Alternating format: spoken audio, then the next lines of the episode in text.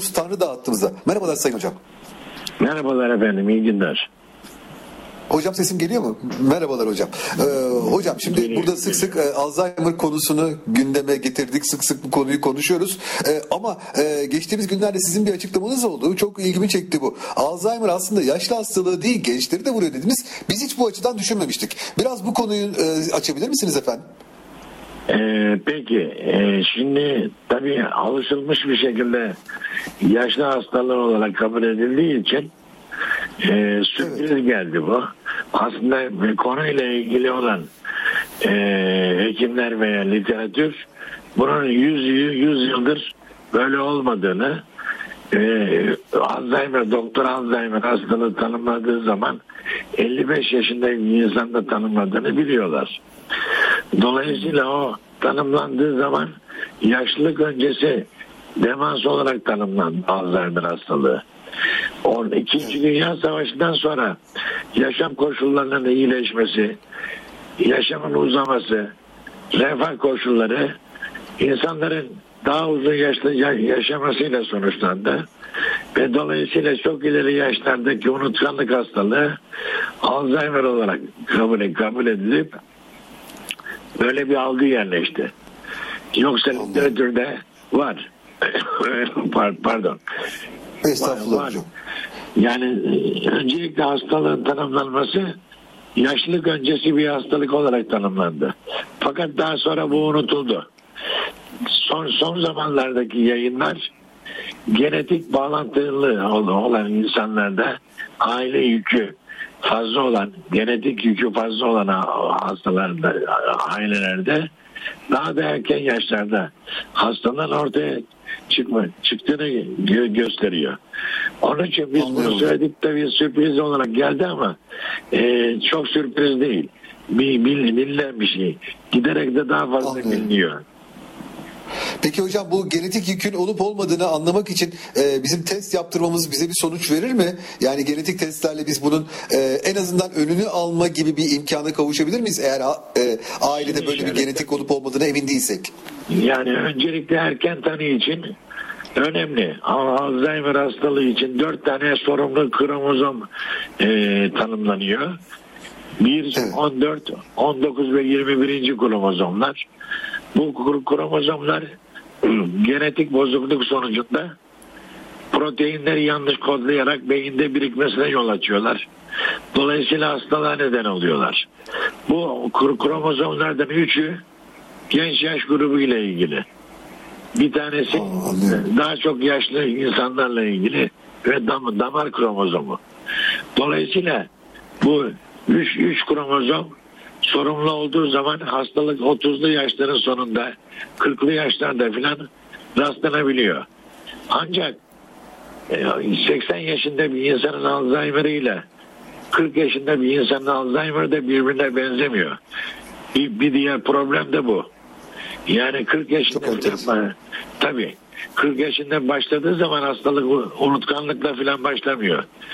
Davranış bozukluğuyla başlıyor. Psikiyatrik bir bozuklukla başlıyor. Dolayısıyla bunu ancak genetik testle tanımak mümkün. Genetik testlerinde bütün kromozomlara yönelik testler yok ne yazık ki. İki, iki- iki- bizim hastanemizde iki kromozoma yönelik testler yapılıyor ve basit bir kan veri- verilmesinden sonra bu genç genç başlangıçlı bir kromozom ve gen, e, erken başlangıçlı bir kromozom bu kan testinden belli olabiliyor. Dolayısıyla biz tavsiye Hocam bir de yani. davranış bozukluğu dediniz siz. Davranış bozukluğundan da insanlar acaba Alzheimer mı diye düşünmez herhalde değil mi? Yani toplumun büyük bir kesimi çok uzman bir doktora gitmediyse e, bunun karşısına çıkması çok zor olur. Doğru söylüyorsun. Tıp, tıbbi olarak bir problemdir bu. Yani, yani genetik testle, MR'la ve zi- zihin testiyle ancak karar verilebilir. Başlangıçta Alzheimer'e benzemiyorlar. Hızlı ilerliyorlar ve de- değişik şekilde sonuçlanıyorlar. Çünkü unutkanlık biraz yaşla ilgili olduğu için erken yaşlarda unutkanlık şeklinde ortaya çıkmıyor. Peki nasıl davranış bozukluklarından bahsediyoruz hocam? Yani bir, bir, bir, şey- bir şekilde antisosyal davranışlar. Ondan sonra gidip bir yerde olay çıkartmak, Ondan sonra zihin kapasitesinin daralmasına bağlı olarak bir yerde kaybolmak, alakasız bir yere doğru yolculuk yapmak. Yani bunlar Alzheimer'in belirtisi olabilir de genç insanlarda olabilir. Anlıyorum hocam. Anlıyorum. Yani Peki hocam size şunu sormak istiyorum. Evet. Tanı tanı yönünden bir problem yani bu. Anlıyorum hocam. Şimdi tam tanıyla alakalı bir şey soracaktım ben de size. Şimdi yıllık olarak e, hepimiz yapmamız gereken şeylerin başında şöyle bir şey geliyor. Vücut için bir check-up'a giriyoruz. Ama e, yani bu kadar aslında her şeyimizi yöneten, bütün hayatımızı içine koyduğumuz beynimiz için bir check-up var mıdır bizim böyle bir girip baktırabileceğimiz düzenli olarak? Var, var tabii. Ben de her gün yaptırıyorum. Daha doğrusu Öyle tanımlayan, tanım, tanımlayanlardan bir tanesi de benim. Ee, beyin check-up'ı mantık olarak karaciğer, kalp ve diğer diğer check-up'lardan hiç de farklı değil. Önemli olan mümkün olduğu kadar fazla açıdan bakmak. Biz bizim beyin check-up'ımızda biraz önce söylediğim genetik test var. Ama her vakada iste- isteyen oluyor, istemeyen oluyor. Yaptırmıyoruz ama herkeste yapılması gereken beyin check-up'ı bir kere be- beynin yıpranmasını veya normal olup olmadığını gösteren bir MR. Beyin MR'ı. Yapısal bil- bilgiler veriyor bize. Ondan sonra beyin haritası e, yani şey bilgisayarlı beyin elektrosu diye e, adlandırılıyor. Bir kişinin ya- yaşında beyin beynin çalışma hızı anlaşılıyor ondan. Bir de kapsamlı bir zihin testi. Yapıldığı zaman beyin check-up'ı yapılmış oluyor.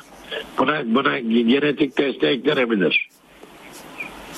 Bu ne kadarlık bir testtir hocam? Yani ne kadar zaman sürüyor bunu yaptırmak? Çünkü MR'lardan bahsettiniz, şeylerden Ya bahsettiniz, zihin testinden Yani bahsettiniz. şimdi, Tabii e, geldiği zaman hasta eğer şey hastanenin şartları mü- müsaitse e, bir, bir ertesi gün sonuçları alabiliyoruz.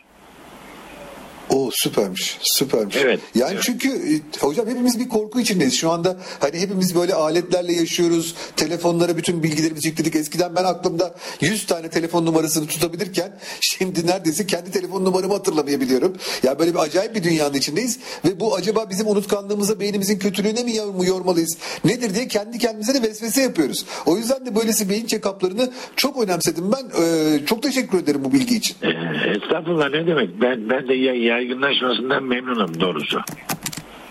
Valla e, harika bir şey. Peki e, hocam yani bunu sizin NP İstanbul Hastanelerinde her yerde yapılıyor mu bu? Sizin yanlış hatırlamıyorsam ben sizin tanımladığınız bir şey olarak söylediniz bunu değil mi hocam? Hayır ben tanımlayanlar arasında yer alıyorum. Beyin check-up'ı ya- yaygın Anladım. bir kavram değil. Ama ben 40 yıl Anladım. 40 yıllık bir nörolog olarak ne istediğimi biliyorum. Dolayısıyla erken tanıda e, son derece önemli bu testler.